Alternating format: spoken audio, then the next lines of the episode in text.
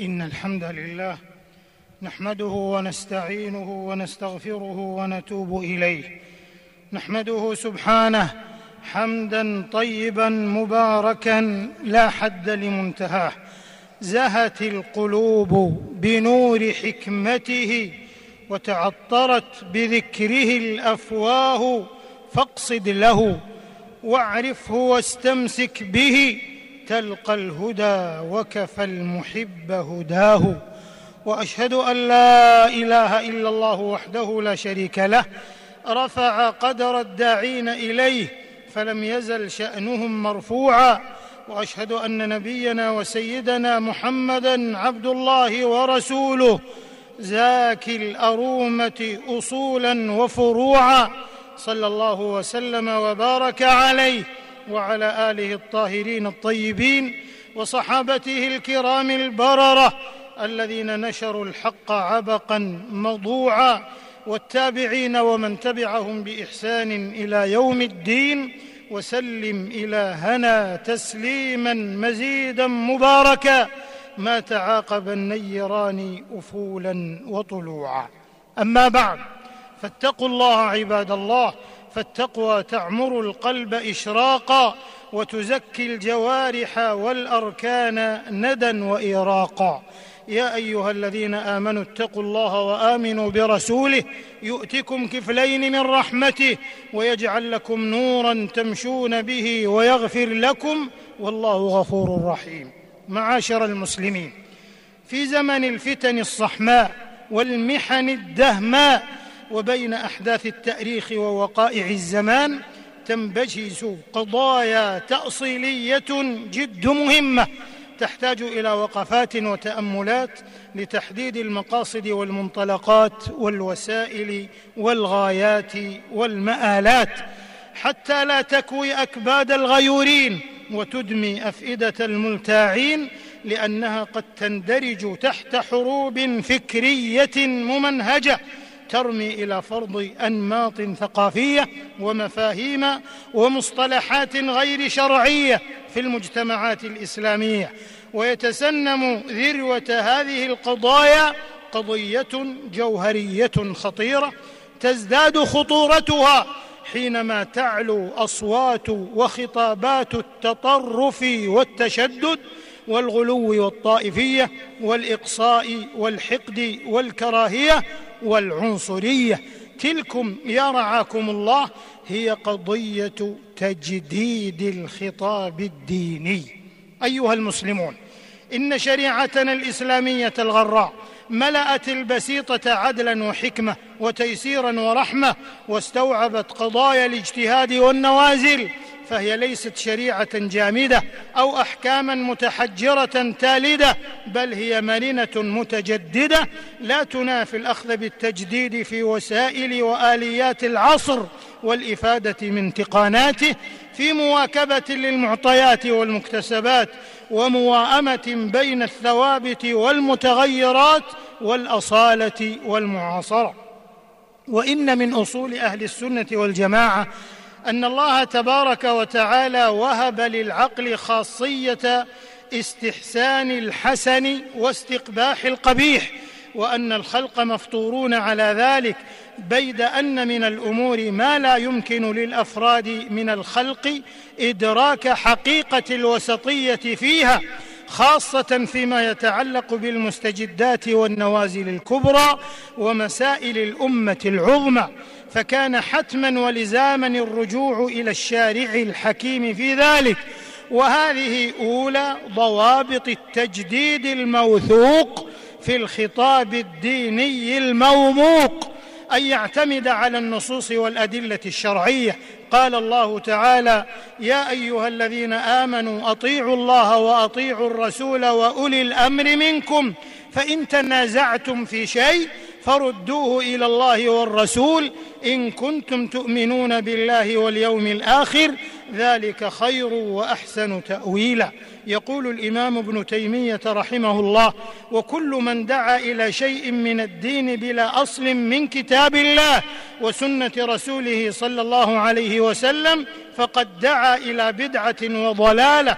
والإنسان في نظره مع نفسه ومناظرته لغيره اذا اعتصم بالكتاب والسنة هداه الله إلى الصراط المستقيم فإن الشريعة مثل سفينة نوح عليه السلام من ركبها نجا ومن تخلف عنها غرق. أمة الإسلام وثاني هذه الضوابط التأصيل العلمي فهو قارب النجاة دون الأفكار المضلة والمشارب الهدامة المزلة وبه يترسخ الوعي الشرعي السليم لكثير من القضايا المهمة. ولا يتم ذلك على الوجه الصحيح المأمون إلا بملازمة العلماء الراسخين والرجوع إليهم فهم ورثة الأنبياء ومصابيح الدجى وهم الجهة الموثوقة في الفتوى والنوازل والملمات. وليس أنصاف المتعلمين ولا أشباههم ولا شداتهم فمن اشتبه عليه علم شيء فليكله لعالمه ولا يخبط فيه خبط عشواء. قال جل وعلا وإذا جاءهم أمر من الأمن أو الخوف أذاعوا به ولو ردوه إلى الرسول وإلى أولي الأمر منهم لعلمه الذين يستنبطونه منهم. وقال سبحانه فاسألوا أهل الذكر إن كنتم لا تعلمون. ثالثها المحافظة على الأصول والثوابت لأنها لا تقبل التجديد. لذلك كان من سمات هذه الشريعة المتميزة وخصائصها الألقة صلاحيتها لكل زمان ومكان والثواب والثبات والدوام والخلود. قال تعالى إنا نحن نزلنا الذكر وإنا له لحافظون. والتجديد يكون في المستجدات التي لا نص فيها ولا يوجد لسلفنا الصالح رحمهم الله فيها رأي أو قول أو ما شبه أو ما شابهها ولا اجتهاد معتبر.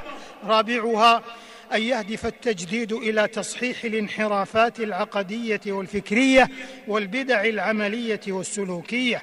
فالإسلام وحده هو الذي اهتم بالروح والجسد معا بخلاف الشرائع والأنظمة الأخرى التي اهتم بعضها بالجسد على حساب الروح فكان الانحلال الخلقي. والآخر اهتم بالروح على حساب الجسد فكان الانحراف الفكري والسلوكي. معاشر المسلمين إن التجديد الصحيح للخطاب الديني يكون تجديدا في الأداء والوسائل دون المساس بالثوابت والمبادئ وهو لا يعني قصورا سابقا في الخطاب ولكنه تجديد يتطلبه اختلاف الزمان والمكان وتطور الوسائل والأدوات ويكون في أسلوب الخطاب لا في روحه ورسالته وهو بهذا مطلب شرعي وقضية حيوية للمجتمع لتجاوز هوة التخلف والتقليد. فيتواصل مع التراث ولا ينغلق عليه بل ينفتح على العصر وآلياته وتقاناته. فيكون المقصود من التجديد إحياء وبعث معالم الدين العلمية والعملية. بحفظ النصوص الصحيحة نقية وتمييز ما هو من الدين مما هو ملتبس به وتنقيته من الانحرافات والبدع النظرية والإضافية والعملية والسلوكية وبعث منهج النظر والاستدلال لفهم النصوص على ما كان عليه السلف الصالح رحمهم الله لتقريب واقع المجتمع المسلم في كل عصر. إلى المجتمع النموذجي الأول من خلال وضع الحلول الإسلامية لكل المستجدات والنوازل والملمات وجعل أحكام الدين نافذة على أوجه الحياة ووضع ضوابط الاقتباس النافع الصالح من كل حضارة على ما أبانته نصوص الكتاب والسنة بفهم سلف الأمة رحمهم الله. وبهذا يتضح أن مهمة الذين يحملون لواء التجديد من حراس الشريعة منحصرة في إزالة كل ما علق بالدين من مظاهر المخالفات التي غيرت رونقه وبهاءه وإعادة الناس إلى ما كانت عليه القرون المفضلة والعودة بالدين وأصوله ومناهج الاستدلال والاستنباط فيه غضة طرية كما أنزلها الله تعالى وبينها نبينا صلى الله عليه وسلم. روى الإمام أحمد في مسنده من حديث عمر بن الخطاب رضي الله عنه أن النبي صلى الله عليه وسلم قال والذي نفسي بيده لقد جئتكم بها بيضاء نقية وبذلك تتحقق نبوة المصطفى صلى الله عليه وسلم حيث قال إن الله يبعث لهذه الأمة على رأس كل مائه سنة من يجدد لها دينها أخرجه أبو داود والحاكم بسند صحيح. أيها المؤمنون إن الدعوة إلى الله تعالى لا تنتشر بالخطاب الديني المتطرف أو نشر الغلو والجفاء وإنما تنتشر بالاعتدال والوسطية التي هي من أبرز خصائص الدين الإسلامي الحنيف الذي يواجه التطور بلا جمود ولا تحجر. بل يبني الحياة على القواعد الشرعية والنواميس المرعية التي تستجيب لحاجات الأمة في مختلف الظروف والأحوال والبيئات. قال تعالى وكذلك جعلناكم أمة وسطا لتكونوا شهداء على الناس ويكون الرسول عليكم شهيدا. تسامح. ولا تستوف حقك كله وابق فما استقصى قط كريم ولا تغلو في شيء من الأمر واقتصد كلا طرفي قصد الأمور ذميم الخطاب الديني يبني ولا يهدم ويجمع ولا يفرق ويعمر ولا يدمر ويشيد ولا يبيد. شعاره الرحمة والتسامح ودثاره الحوار والتعايش. وعلى هذا المنهج الوسطي سار علماء السلف الصالح رحمهم الله. يقول الإمام العز بن عبد السلام رحمه الله وعلى الجملة فالأولى بالمرء ألا يأتي من أقواله وأعماله إلا بما فيه جلب مصلحة أو درء مفسدة مع الاعتقاد المتوسط بين الغلو والتقصير. ويقول الإمام ابن القيم رحمه الله ما من أمر إلا وللشيطان فيه نزغتان إما إلى غلو وإما إلى تقصير والحق وسط بين ذلك. ويقول الإمام الشاطبي رحمه الله إن الشريعة جارية في التكليف بمقتضاها على الطريق الوسط العدل الآخذ من الطرفين بقسط لا ميل فيه. وبذلك يتبين يا رعاكم الله أن شريعة الإسلام هي شريعة الهداية والاستقامة والوسطية والاعتدال وأن الخطاب في الإسلام خطاب رحمة وتسامح وأمن واستقرار ورخاء وسلام. أعوذ بالله من الشيطان الرجيم وأن هذا صراطي مستقيما فاتبعوه ولا تتبعوا السبل فتفرق بكم عن سبيله ذلكم وصاكم به لعلكم تتقون بارك الله لي ولكم في الوحيين ونفعني وإياكم بهدي سيد الثقلين أقول قولي هذا وأستغفر الله العظيم الجليل لي ولكم ولكافة المسلمين والمسلمات من كل الذنوب والخطيئات فاستغفروه وتوبوا إليه. إنه كان حليما غفورا. الحمد لله. حمدا يعمر القلوب تفاؤلا واشراقا واملا غيداقا. وأشهد أن لا إله إلا الله وحده لا شريك له. وأشهد أن نبينا محمدا عبد الله ورسوله صلى الله وسلم وبارك عليه وعلى آله وصحبه والتابعين ومن تبعهم بإحسان إلى يوم الدين. أما بعد فاتقوا الله عباد الله فإنها وصية الله للأوائل والأواخر. ولقد وصينا الذين أوتوا الكتاب من قبلكم وإياكم أن اتقوا الله.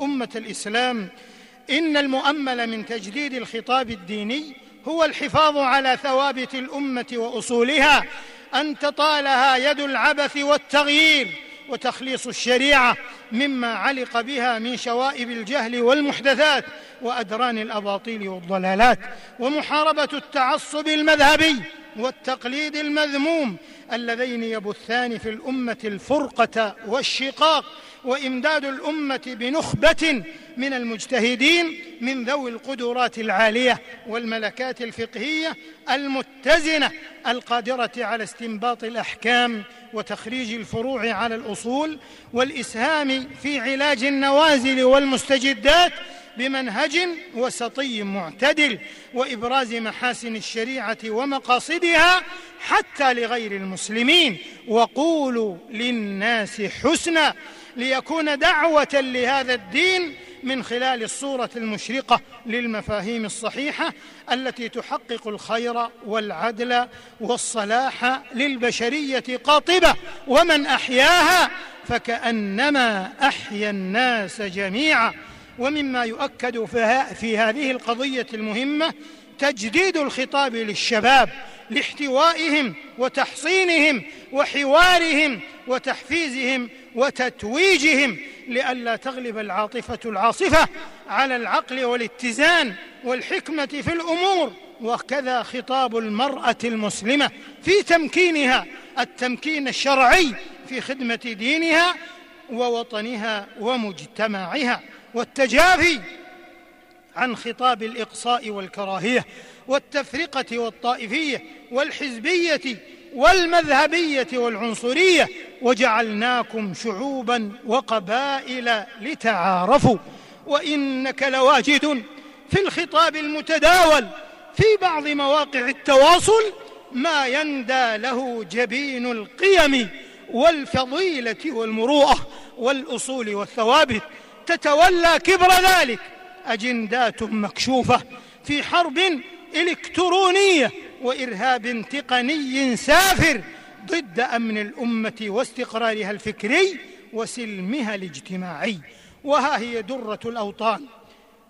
ومأرز قضاياهم أجمعين وقبلة المسلمين. بلاد الحرمين الشريفين حرسها الله تنبري على دأبها وهجيراها في التجديد وفق المنهج السديد من خلال الوعي العميق خاصة وقت الأزمات والملمات فبرعاية كريمة من ولاة أمر هذه البلاد المباركة يشاد بكل الإعزاز والإجلال بوثيقة مكة المكرمة الصادرة عن هيئة علماء المسلمين التابعة لرابطة العالم الإسلامي وما اشتملت عليه من توصيات نافعة في تجديد الخطاب الديني وأثره الحضاري والعالمي والإنساني من خلال الدعوة للحوار والتواصل الحضاري ومواجهة أفكار التطرف والكراهية ونشر الفكر الوسطي المعتدل.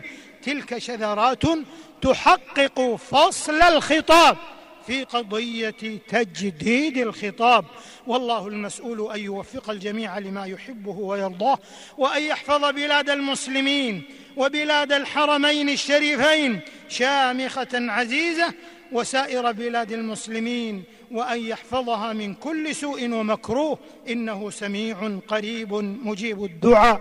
هذا وصلوا وسلموا رحمكم الله على النبي المصطفى والرسول المجتبى كما أمركم بذلك المولى جل وعلا.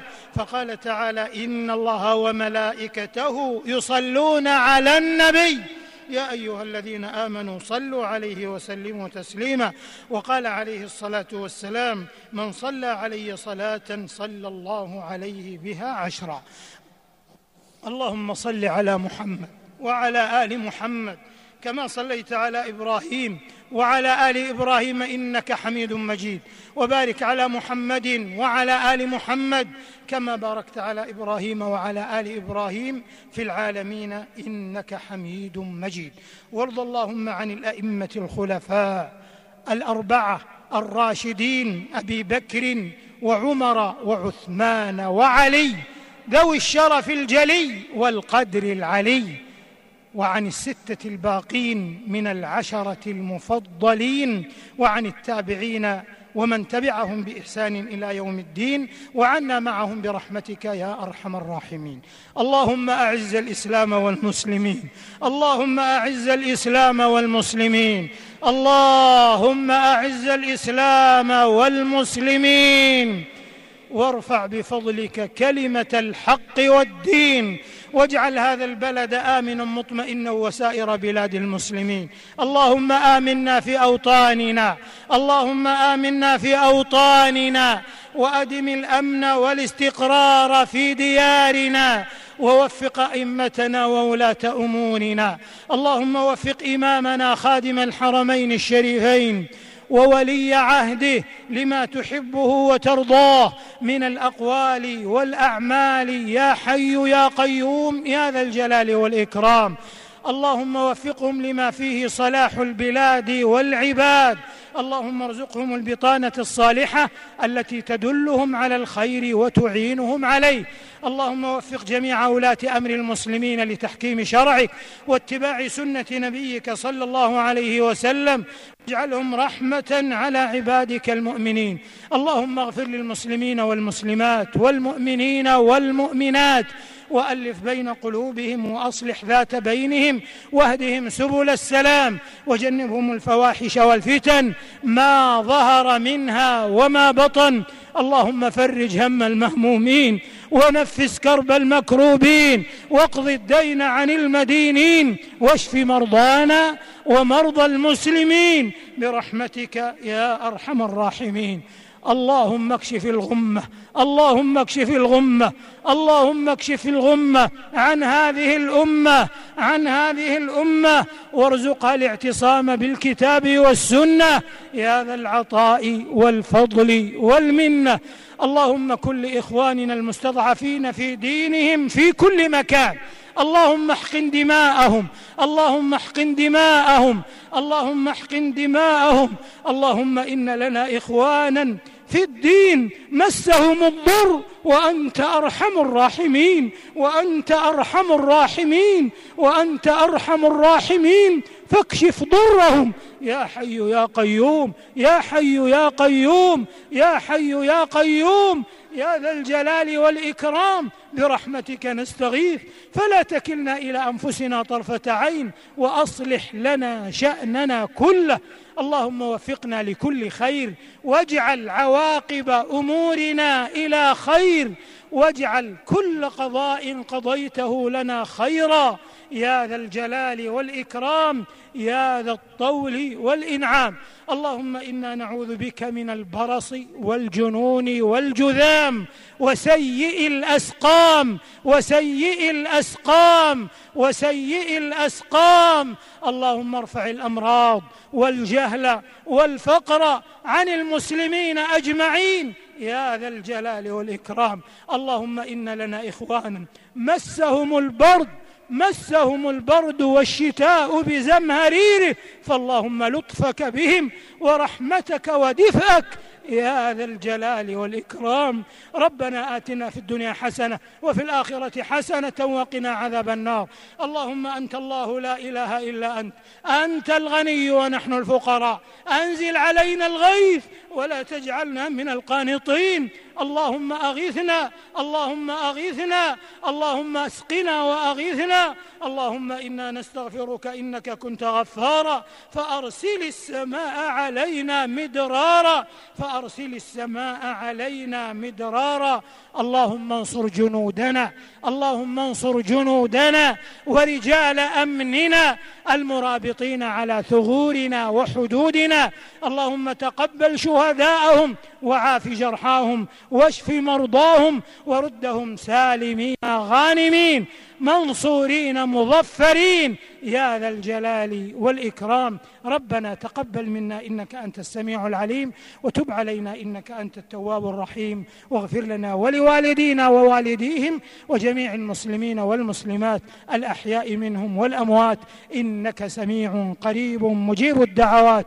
سبحان ربك رب العزة عما يصفون وسلام على المرسلين. والحمد لله رب العالمين. in